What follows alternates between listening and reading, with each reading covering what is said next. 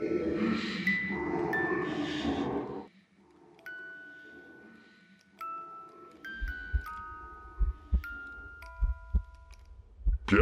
fala. Większość opowieści zrelacjonowanej w zagładzie, która zstąpiła na Kawzar, jest zgodna z prawdą. Osada została założona przez jedno z pierwszych plemion ludzi pomiędzy górami Irana na północy i Morzem Kilańskim na południu. Niedługo po jej powstaniu obszar odkryła grupa krasnoludów szukających pokładów rudy. Natychmiast dostrzegając bogactwo gór i gleby u swoich stóp, obie rasy stworzyły sojusz. Ludzie i krasnoludy pracowali razem i żyli w idealnej harmonii, pomagając sobie nawzajem, zgodnie i użyczając swych zdolności. Chociaż żyli oddzielnie, ludzie na powierzchni, a krasnoludy pod nią, ci drudzy dostarczali cennego kamienia, metalu i rzemiosła, potrzebnego do rozwoju ludzkiego miasta. Podczas gdy ludzie pracowali w polu, by wyżywić populację obu osad. Hojność ziemi i gór oraz współpraca między dwoma wielkimi rasami pozwoliły miastu w ciągu jednego pokolenia osiągnąć nieprawdopodobne wyżyny sztuki architektonicznej i kultury.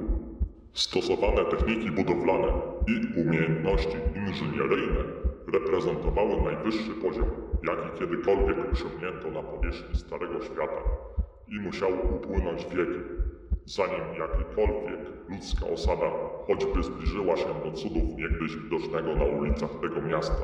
Klejnotem w jego koronie była wielka wieża, której wysokość nie dorównywało nic innego, co wzniesiono w Starym Świecie, a jeśli wierzyć legendzie, sięgała równie głęboko pod ziemię. Jednak pomimo swojej wielkiej wiedzy, budowniczowie miasta nie potrafili podnieść zwieńczenia wieży na sam jej szczyt. Właśnie wtedy pojawił się przybysz w płaszcz okutany, wspomniany w legendzie o Kawsach. Tożsamość tej postaci to najbardziej tajemnicza kwestia dotycząca skawenów i pozostaje nierozstrzygnięta.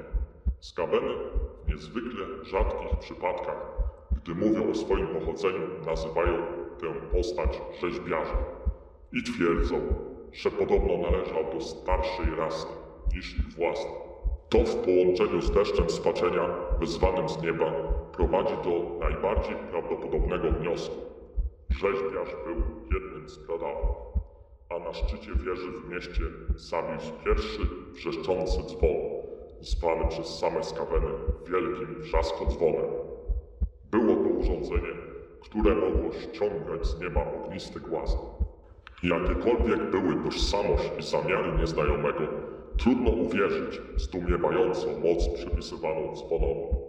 Swoim biciem sprowadzał nieustanny deszcz, mgłę i chłód, zamykając niegdyś wspaniałe miasto w pułapce ciemności i zniszczenia. Potem nastąpił potop spaczenia, jeszcze bardziej wypaczając ziemię. Uprawy zostały zatrute, rudy skolonowały, a ludzie i krasnoludy zostali wyniszczeni chorobą, głodem i mordem. Nawet samo miasto, wraz ze swoją wspaniałą i chwalebną architekturą, zostało wypaczone i splugawione przez deszcz czystego chaosu, który przekształcił je w gigantyczny labirynt, ohydny w stopniu dorównywującym minionemu pięknu tego miasta. A gdy mieszkańcy przepadli i miasto narodziło się ponownie, powstały stworzenia mające ożreć tych, którzy pozostali przy życiu i które na zawsze miały już zwać tę parodię miasta swoim domem. Szczuroludzie narodzili się z pozostałości masakry, a ich pierwszym czynem była zbrodnia ludobójstwa.